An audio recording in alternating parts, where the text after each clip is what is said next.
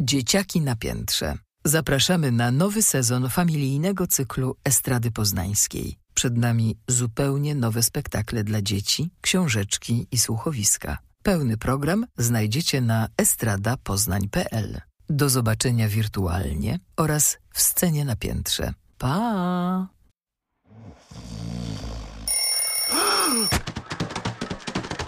Nie spać, słuchać. Podcast serialowy Estrady Poznańskiej. Zapraszają Pat Tomaszewski i Kuba Wojtaszczyk.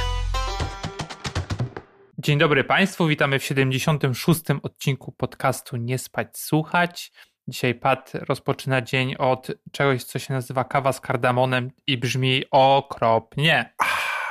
Ale smakuje pysznie. To jest niemożliwe. Kuba, trzeba pobudzać zmysły o poranku. Dzień dobry. Powiem Ci, że pobudziłem zmysł o poranku, ponieważ zobaczyłem pierwsze 15, może 20 minut nowego serialu, który się nazywa e, Why the Last Man.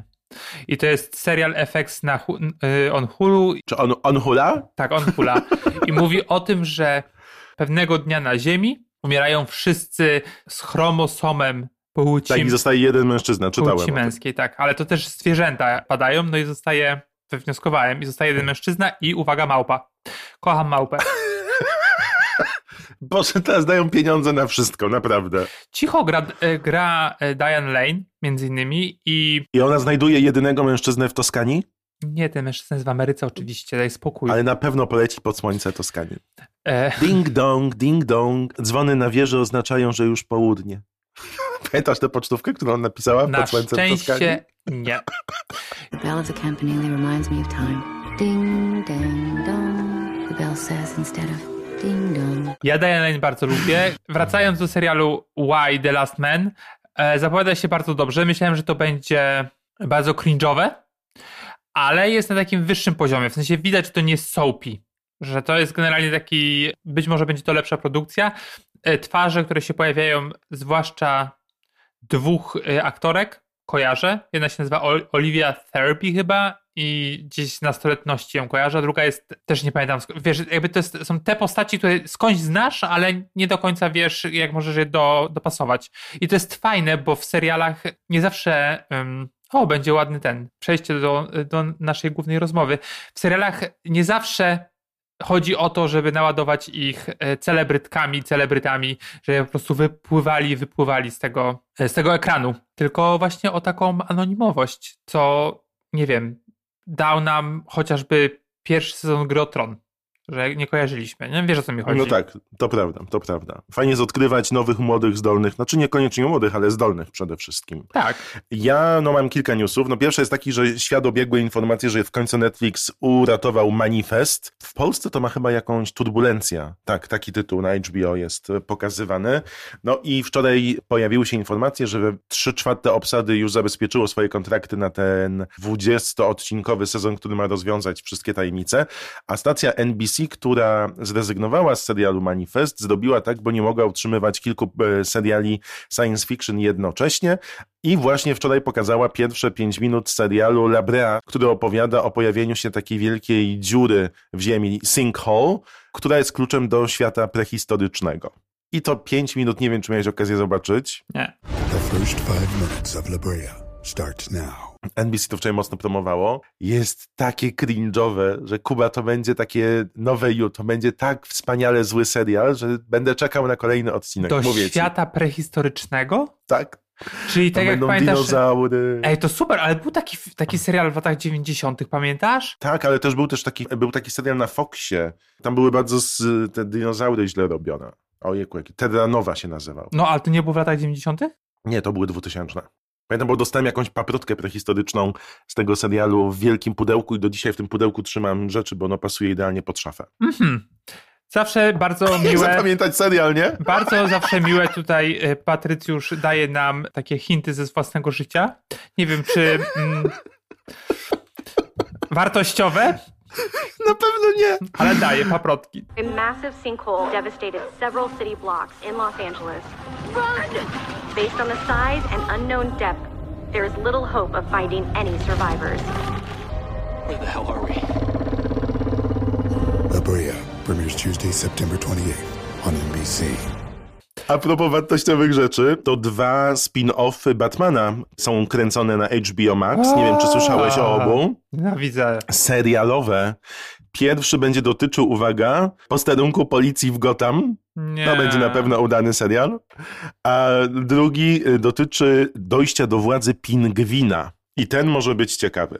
Ale to będzie ten pingwin, który, którego gra Colin Farrell. w- Nie, to pewnie. Będzie związany w jakiś sposób. Więc to może być e, ciekawe, bo Hollywood Reporter i Variety napisały, że jeszcze nie wiadomo, czy Colin zagra tego pingwina, bo ma to dotyczyć początków pingwina, czyli chcą kogoś młodszego. Ale do tego projektu dołączony jest reżyser Batmana Matt Reeves i producent Dylan Clark.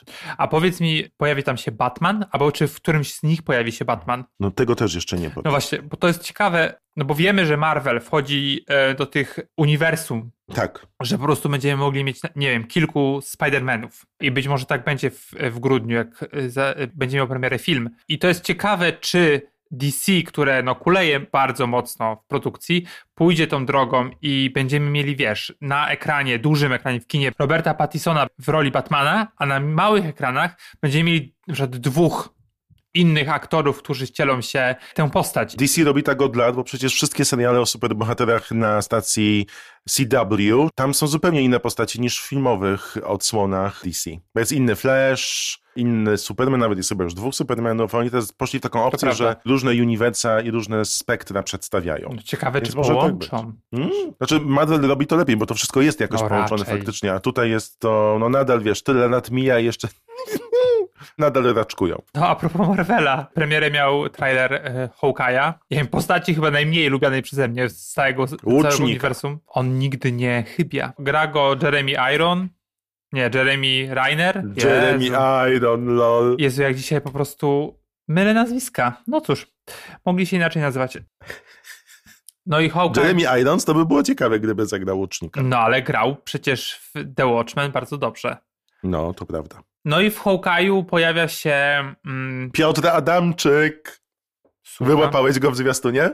Co? Mówiłem wam jakiś czas temu w Aha. odcinku, że Piotr Adamczyk po zakończeniu zdjęć do serialu Kowalscy kontra Kowalscy poleciał do Stanów wystąpić w trzech produkcjach. Oficjalnie już mogę powiedzieć, że jedną z nich jest właśnie Hawkeye. Jezu, ale zło. Super! Kogo on tam gra? Tego nie mogę powiedzieć, ale jest. Y, Zobaczysz go w zwiastunie. Zresztą ci, którzy nie widzieli, mogą teraz stopklatkować zwiastun.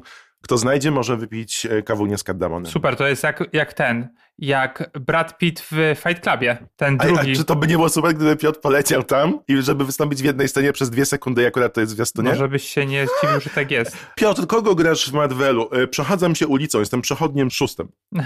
No, my się zawsze śmiemy. Ale w każdym razie, dobra, no Ale super, no no nie cieszysz się? nie, mam to gdzieś. Rodak w Marvelu? Super.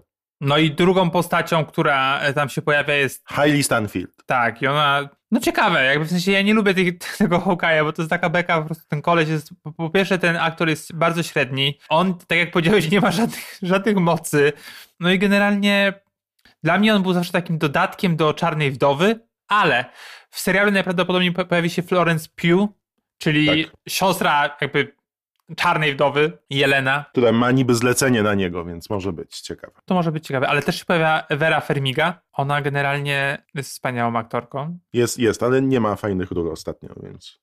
Miała ten Maid's Bottle, który był bardzo, bardzo złym serialem. Ja bardzo czekam na. Bottle? Motel. Motel.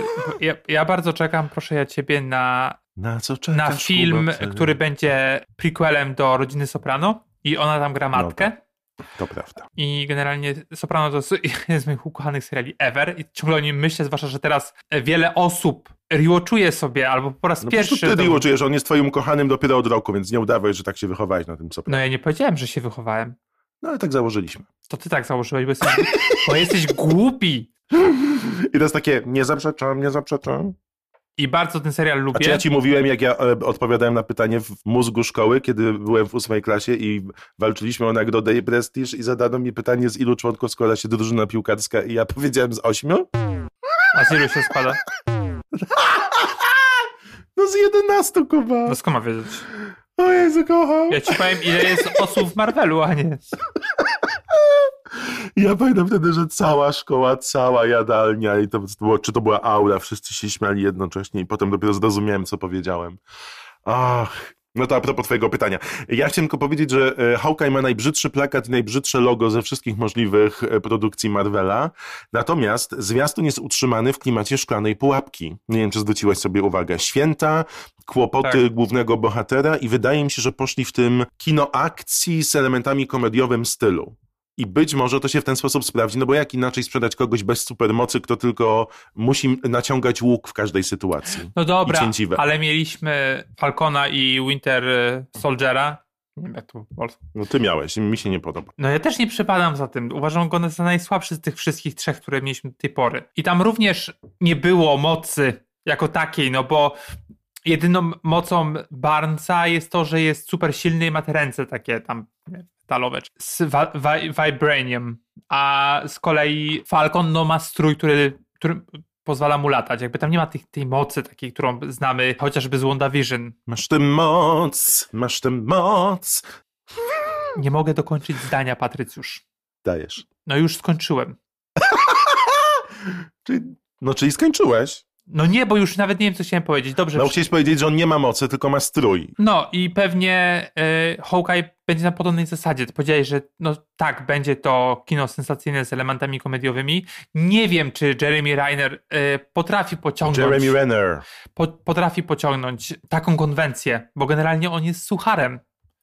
I nawet wiem, że wy, wybił się, wybił It's się, your opinion. wybił się, nie tylko moja, połowa Ameryki go nie lubi, zwłaszcza jak zaczął śpiewać w reklamie, więc naprawdę. Ojejku. O, ostatnio, y, bo on jakby wybił się przez film Catherine Bigelow Hard Locker Hurt Locker. i się z tymi tytułami, nazwiskami kocham. no, i no, film dostał Oscara i generalnie on przez to się taki stał bardziej popularny i obejrzałem ten film jakiś, nie wiem, może miesiąc temu, no i generalnie no jest średni dosyć, ja, a on tam jest takim drewnem. Naprawdę. Więc yy, wiesz, co jest najgorsze? Najgorsze jest to, że nie oglądałbym tego serialu, ale przez to, że lubię Marvela i niedługo dojdziemy do takiego momentu, że będziemy, em, że osoba, już nawet chyba teraz tak jest, że osoba, która w ogóle nie zna Marvela, jakby nie interesuje się i chciałaby od początku jakby dowiedzieć się, to już nie ma takiej możliwości. Musisz zrobić research przed, żeby oglądać kolejne części. I teraz, wiesz, nie obejrzysz Marvela, w sensie nie obejrzysz Hawkeye'a, no to nie będziesz wiedzieć, co zrobi na przykład Elena, czyli Florence Pugh, nie? I później dostaniemy film i nagle się okazuje, że musimy zrobić sobie recapa serialu, żeby po prostu połączyć fakty. I no to jest plus, minus, no generalnie nie wiem, jak na to patrzeć. Kojarzę Jeremiego, y, Jeremiego Rainera, patrz, przeszło od ciebie na mnie, z kilku rzeczy. Z tego, jak fajnie zagrał w American Hustle, bo był tam przez chwilę. Natomiast on, nie wiem, czy pamiętasz, w 2017 roku na iPhony zrobił aplikację, która nazywała się Jeremy Renner. Naprawdę? Tak. I pamiętam do dzisiaj nagłówek jednej z gazet, która mówiła, że aplikacja o nazwie Jeremy Renner jest Jeremym Rennerem aplikacji. I to było wspaniale. I ponoć to była możliwość obcowania z tym aktorem. Tam były jakieś środy z tym Jeremim. Następnie bardzo mocno internet obiegła informacja o tym, że tam jest dużo memów i dużo cenzury i ludzie się zaczęli odwracać od tej aplikacji. No, zrobić aplikację o swoim imieniu, której centrum jesteś ty, no jest bardzo, bardzo ciekawe, ale już niestety jest nieaktualna ze względu na wszystkie kontrowersje, które wyniknęły z e, jej działania. No, czyli... Natomiast on zaczął w 95 roku w krzywym zwierciadle jakimś filmie, to to pamiętam. Wspaniale. Po prostu to wszyscy, ta Wiedza aplikacja, bezużyteczna? ta aplikacja po prostu o nim mówi wszystko. No tak, on też chyba e, miał być nowym Mattem Damonem, bo on wystąpił w tej kontynuacji Tak. agenta Bodna, nie? To właśnie to było takie trochę, bo najpierw mieliśmy trzy filmy pornowe i później... Dziedzictwo Bodna to się nazywało. I później pojawił się ten Jeremy Rainerem, który był naprawdę słaby. I później nagle w 2016 Matt Damon wrócił e, z Greengrassem, e, reżyserem, okropnym Bordem, jeszcze gorszym niż z Rainerem.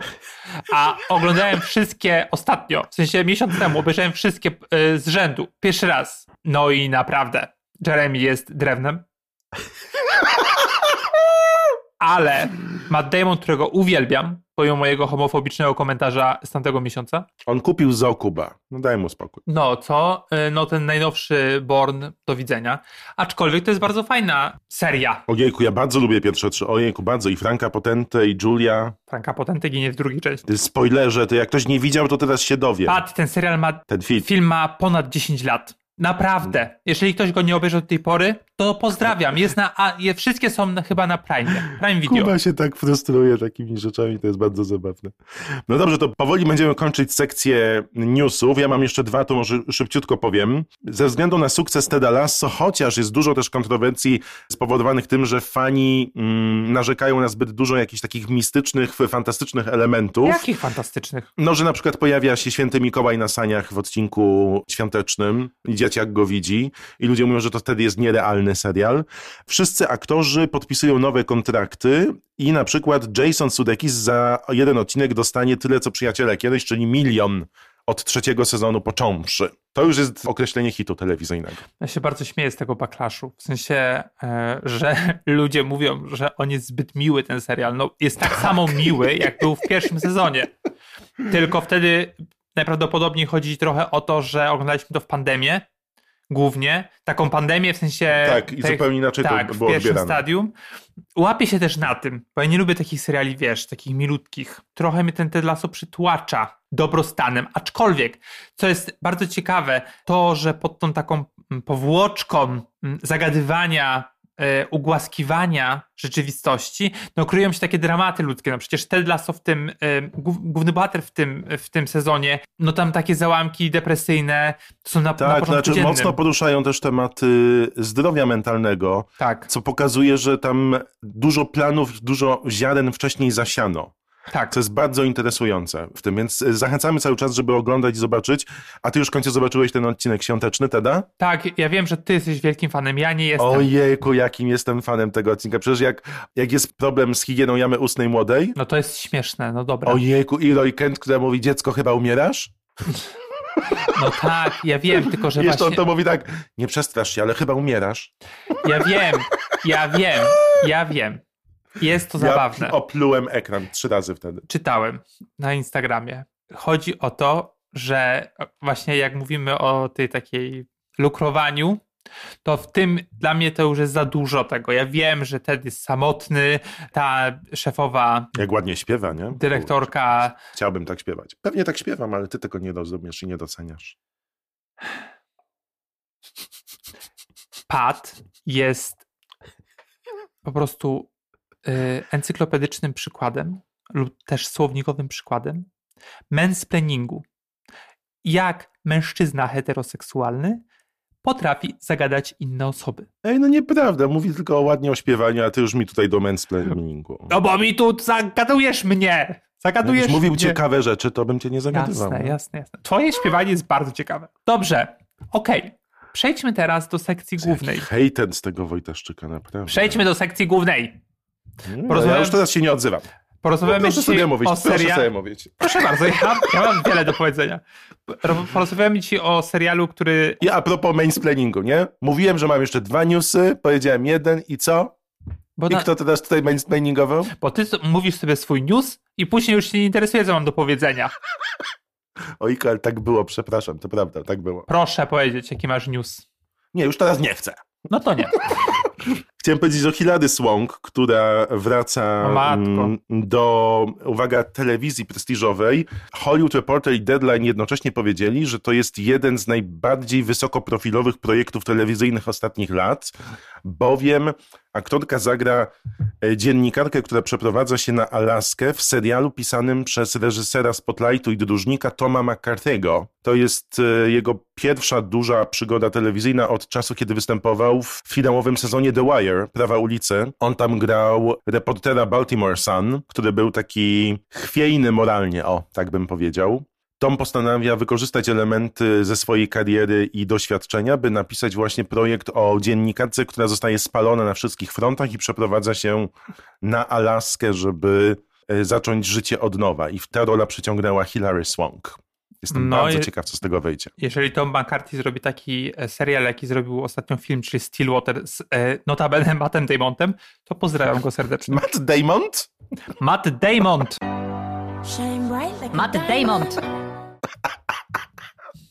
Shine bright like Matt Damon. Like Matt Damon. Dobrze. A propos A co, podobał ci się ten Stillwater, czy nie? Nie, okropny jest. Jest okropny. Naprawdę, myślałem, że zdechnę. E, no dziwny jest to film i trwa ponad dwie godziny, naprawdę. Zatru- zatrudniać Abigail e, Breslin, ona tak się czyta chyba, ta co grała Little Miss Sunshine. E, no nie wiem, czy to jest dobry pomysł. A dlaczego zepsuła się? Ona też grała w tym serialu Ryana Murphy'ego, który łączył grozę, komedię i morderstwa. Tak. E, no nie wiem, ja nie przepadam za nią. I ani w Zombieland, no ten Little Miss Sunshine, na mnie to nie działa. Ja wiem, Jezu, że... To jest piękny film. że ludzie po prostu są wielkimi fanami, ale nie, jakby no rozumiem, jakby rozumiem przekaz, super. Ja pamiętam, że byłem na pokazie filmu Mała Miss, jak ojciec mówił udawajcie normalnych, jak policja ich zatrzymuje i kino odrżało ze śmiechu. Takie mam wspomnienia. No ale teraz może przejdźmy faktycznie do tematu odcinka. Jakie wspomnienia będziesz miał ty, Kuba, z serialem Nine Perfect Strangers? Nie wiem, czy ma polski tytuł. Dziewięciu nieznajomych? Dziewięcioro nieznajomych? Nie wiem, akcent Nicole Kidman? Już chyba wiemy, o czym będzie ten odcinek. To posłuchajmy zwiastuna. Welcome to Tranquillum House. You want to get well? You want to heal? Surrender yourself to me. In 10 days, you will be transformed. A więc, tytułowe dziewięć osób nieznajomych jedzie do, to nie jest do końca spa, ale takiego, taki retreat, e, gdzie mają przejść odnowę taką bardziej psychologiczną niż, e, niż odnowę ciała. Każda z tych osób niesie ze sobą traumę, worek traum. To nie jest tak, że każdy może do, dostać się do tego tranquillium, czyli takiego, też tak się nazywa to miejsce, czy taka cisza, spokój, tylko robi to Nicole Kidman, która e, prowadzi tenże ośrodek. Streściłem dobrze? Streściłem, Patrycjusz, tak? Streściłeś. To teraz powiedz, czy ja mam powiedzieć, co myślę, czy ty masz powiedzieć, co myślisz? To jest to jeden z tych seriali, na które czekaliśmy, bo obsada no, była zacna bardzo, kiedy ogłoszono. Nicole Tak. Kidman, Melissa McCarthy, Bobby Cannavale, którego ja osobiście bardzo lubię. A propos Toma McCarthy'ego i serialu z Hilary Swank, Bobby Cannavale jest moim odkryciem z filmu Dróżnik z Peterem Dinklage'em i Patricią Clarkson, który do dzisiaj bardzo uwielbiam i polecam, bo to jeden z niewielu filmów, który świetnie pokazuje, ładnie dzieli się samotnością. I Bobby tam błyszczał na ekranie. Ja go bardzo polubiłem. On potem pojawił się w czwartym sezonie siostry Jackie i był takim nemezis i sprzymierzeńcem trochę głównej bohaterki granej przez Edie Falco z Soprano u Kuby. I gdziekolwiek się pojawił, to jest niesamowicie utalentowanym aktorem, który oddaje się całkowicie roli, którą gra. I jak zobaczyłem go, to mówię sobie, a on plus Nicole Kidman plus Melissa McCarthy, to będzie super rzecz, no nie można tego zepsuć. I potem przyszedł serial pod tytułem Biały Lotos, który opowiadał o wakacjach siedmiodniowych różnych uprzywilejowanych osób i było to tak w formie, w obrazie, jak i werbalnie przekazane, no że każdy z nas mówił, że no nie może doczekać się kolejnego odcinka, zresztą przy bardzo małej promocji to, co stało się, co wybuchło po tym serialu w kontekście recenzji, takiej fali pozytywnych informacji, no było dużą niespodzianką również dla HBO, ale mówię o tym dlatego, że stało się to jakimś takim fatum dla tych dziewięcioro nieznajomych. Ponieważ no, nie ma możliwości nieporównania tych dwóch produkcji, które są niestety bardzo podobne e, fabularnie na początku, no, z wielką niekorzyścią dla tej dziewiątki. Tak. To znaczy, ja jeszcze chciałbym wrócić właśnie do tych aktorów, bo dla mnie najważniejszą e, postacią tam była oczywiście Melissa McCarthy, którą uwielbiam. I to był taki jej, e, takie jej wejście na taki ring serialu prestiżowego, no i jakby w cudzysłowie kon- konkurowanie z Nicole Kidman. To też miała być jej rola dramatyczna raczej, Melissa McCarthy, w czym jakby nie jest, nie przoduje, no bo to jest ko- e, komediowa aktorka, no i faktycznie mm, została nominowana za dramatyczną rolę e, kilka lat temu. Can You Ever Forgive Me? Taki był polski tytuł, e, angielski tytuł. No i byłem bardzo ciekawy tego, co zrobi. Oczywiście tam są jeszcze in, inne aktorki, inni aktorzy, między innymi Michael Shannon, którego bardzo cenię, Regina Hall. I faktycznie, jak ten serial się pojawił, po, pojawiły się też recenzje, które w jakiś sposób może nie porównywały do Białego Lotosa, ale mm, stawia, stawały te seriale obok siebie. E, słusznie, bo tematycznie no to jest znowu taka satyra na, mm, na bogatych, uprzywilejowanych, raczej białych. No ciągnie się już za nami trochę, bo sukcesja też jest trochę w tym klimacie. Oczywiście e, Big Little Lies również, ale ja nie uważam, że Biały Lotos zaszkodził w jakiś sposób Nine Perfect Strangers, ponieważ Nine Perfect Strangers po prostu jest beznadziejnym serialem. Scenariusz powstał na bazie książki Liane Moriarty, czyli tej samej pani, która napisała Big Little Lies. Za scenariusz odpowiada David E. Kelly, czyli ten sam, który współpracował z Kidman przy Big Little Lies.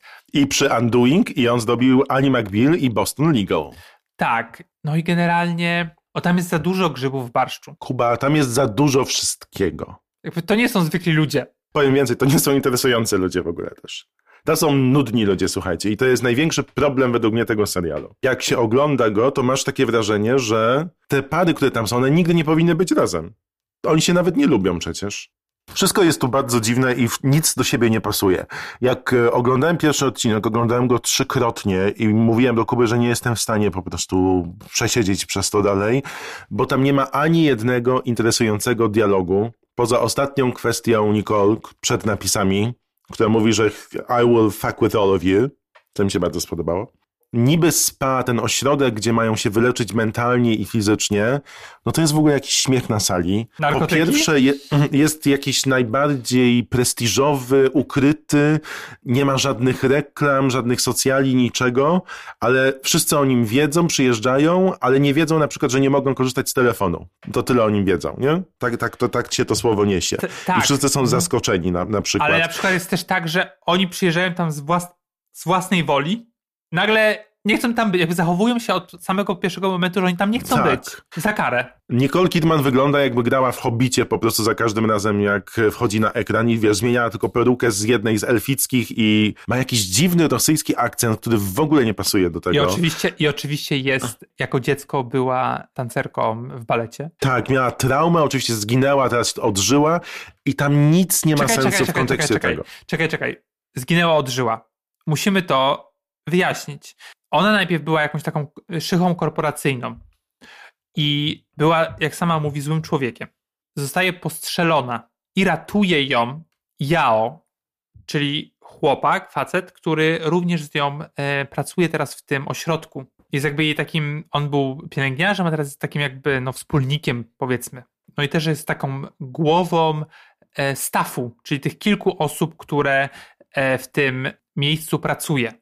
No i oczywiście to nie jest tak jak w Białym Lotosie, że ten staff, e, ci pracownicy, te pracowniczki byli po, poniekąd tłem, opró- oprócz oczywiście głównego bohatera, w sensie tego szefa, tego menadżera ośrodka.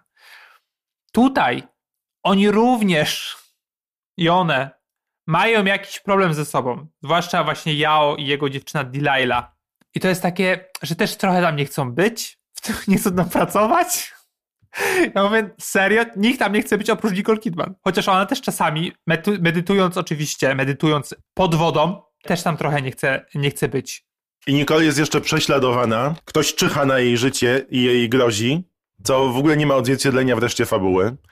Ten staw raz chcą pomóc ludziom, raz sam, chcą sabotować cały ten ośrodek.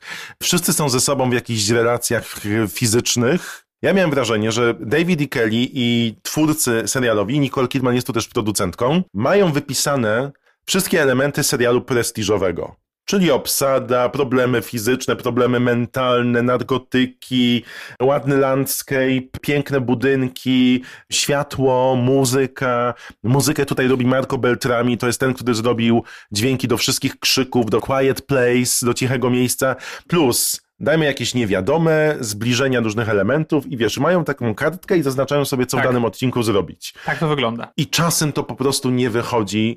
Masz opowiedzieć historię. A tu ta historia jest tak miałka, że w ogóle nie wiem, kto chciał zdobyć ten serial, bo tu nic, no jeżeli chcesz zdobyć serial o żałobie, o traumach, to nie sprzedajesz go w taki sposób. No, ja nie wiem, budują jakiś mistycyzm tego miejsca, ale już po pierwszym smoothie wiesz, co się dzieje. No to prawda, to prawda. Jeszcze jakby to było wszystko poprowadzone na takiej zasadzie No ale nie bawmy się, większego- co by było gdyby, Oczywiście. Kuba. No, szczerze, no to jest złe, bardzo złe. Ale- to jest tak złe, że oczy ropieją. Ale możesz, po, możesz, możesz pospekulować. Co mnie bardzo denerwuje w filmach i serialach, jak pojawiają się narkotyki, to to, że wtedy twórcom puszczają hamulce i mogą pokazać wszystko, czy co im po prostu żywnie siedzi w głowie. Bo te narkotyki są wytłumaczeniem tego stanu rzeczy. No i tutaj jest to wykorzystywane ponad miarę.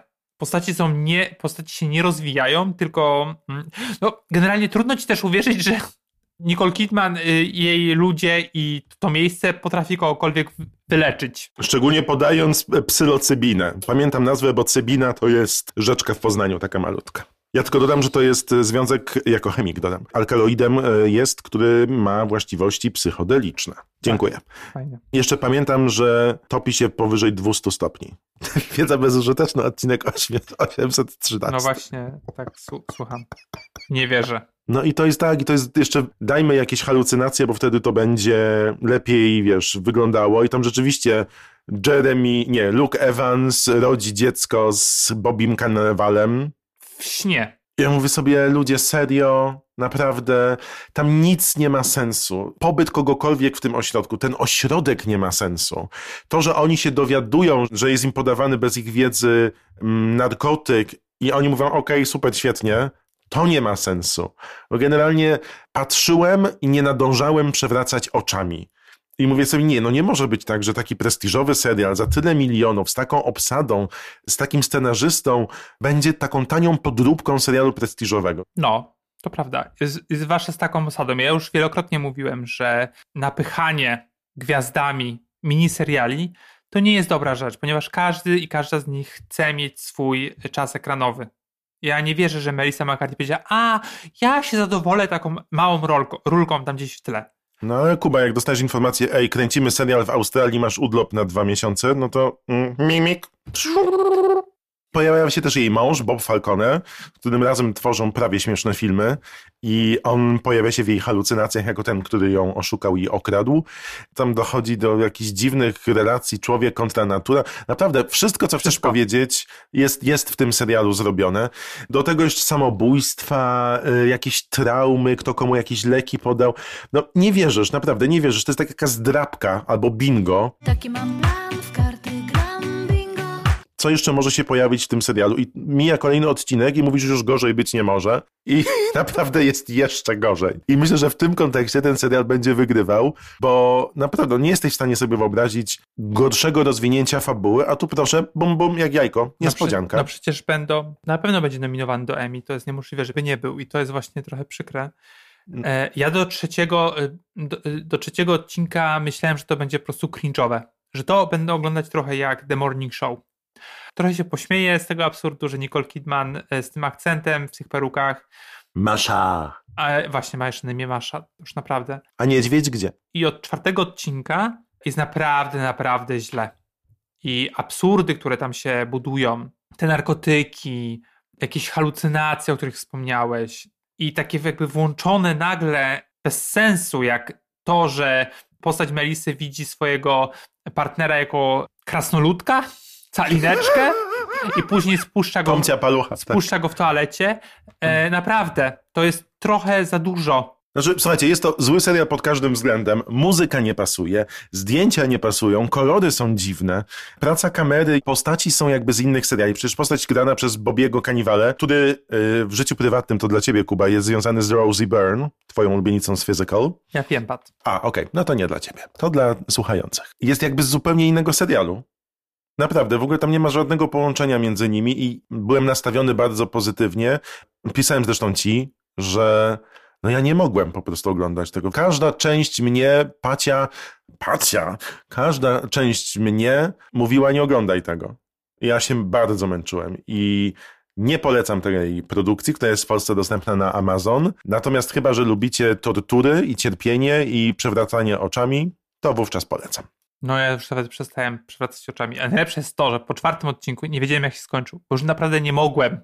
Aczkolwiek są osoby, które ten serial lubią. I Kto? E, na, Nazwiska, adresy. na przykład, no nie będę mówić, co, co mam tutaj. E, I recenzje są e, raczej negatywne, ale też nie do końca. Więc wydaje mi się, że w przyszłym roku na Emmy możemy się spodziewać nominacji. Ale która postać jest dobrze zagrana, Kuba? Ale to nie o to chodzi. No, czy kiedykolwiek w, w nagrodach chodzi o, o tą dobrze zagraną postać. No, ja, No przecież to, co robi Regina Hall na przykład, ona jest tak świetna w Black Monday. Ja to jest serial, który ja nadal bardzo polecam. Ona jest tam fantastyczna. A tu gra jakąś taką zabłąkaną owieczkę, która niby ma problemy z agresją, albo, ale stara się być miła. No jest tak źle napisana ta postać i ona jest tak niefajnie zagrana niestety. na jednej linii to jest bardzo. No. Nie tylko ona. Jakby generalnie Michael Shannon, w ogóle to, jak oni mają imiona, on ma na imię Napoleon Marconi. I w ogóle cała ta rodzina na koni to jest tak jak naprawdę, no nie, nie, nie, jeszcze raz nie. I to była rzetelna recenzja serialu Dziewięcioro Nieznajomych, Nine Perfect Strangers. Po prostu nie. Dziękuję. Ja również dziękuję, również nie polecam. Ja myślę też również, że Nicole Kidman powinna ze sceny zejść. I może to nie jest popularne stwierdzenie, ale zaczynam twierdzić, że ona nie jest dobrą aktorką.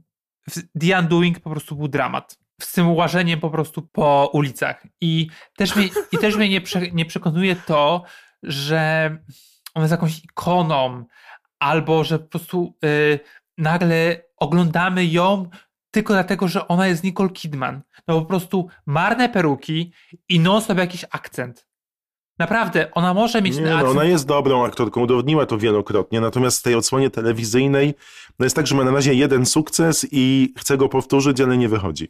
No ale ja też nie rozumiem tego sukcesu, tego Big Little Lies. No ten pierwszy sezon był okej No właśnie. i miała spoko tą, tę postać, no ale ta, ten drugi, serio, jeszcze czytałem w ogóle, że Nicole Kidman weszła w tę postać, w postać Maszy i cały czas y, na planie Poza planem też była tak, taka, tak, pozostawała, tak, tak. poz- To dziękuję bardzo, naprawdę. Naprawdę. Biedni ci aktorzy tam. Ojej, ona w ogóle jeszcze obserwuje na monitorach, no to jest śmiech na sali, słuchajcie. Jeżeli chcecie sobie mm, pośmiać się i mówić, nie, nie wierzę, nie wierzę, co, co się dzieje, albo robić sobie bingo takie mm, na temat wszystkich złych rzeczy w serialu, to polecamy dziewięcioro nieznajomych. Tym samym bardzo dziękujemy, że ponownie włączyliście dwóch starych tetryków, którzy narzekają na telewizję i zapraszamy na kolejny odcinek. Dzięki. Nie spać, słuchać. Producentem podcastu jest Estrada Poznańska. Wszystkie odcinki znajdziesz na estrada.poznan.pl. Błyszczy się jak like Matt Damon. Like Tak, Matt Damon.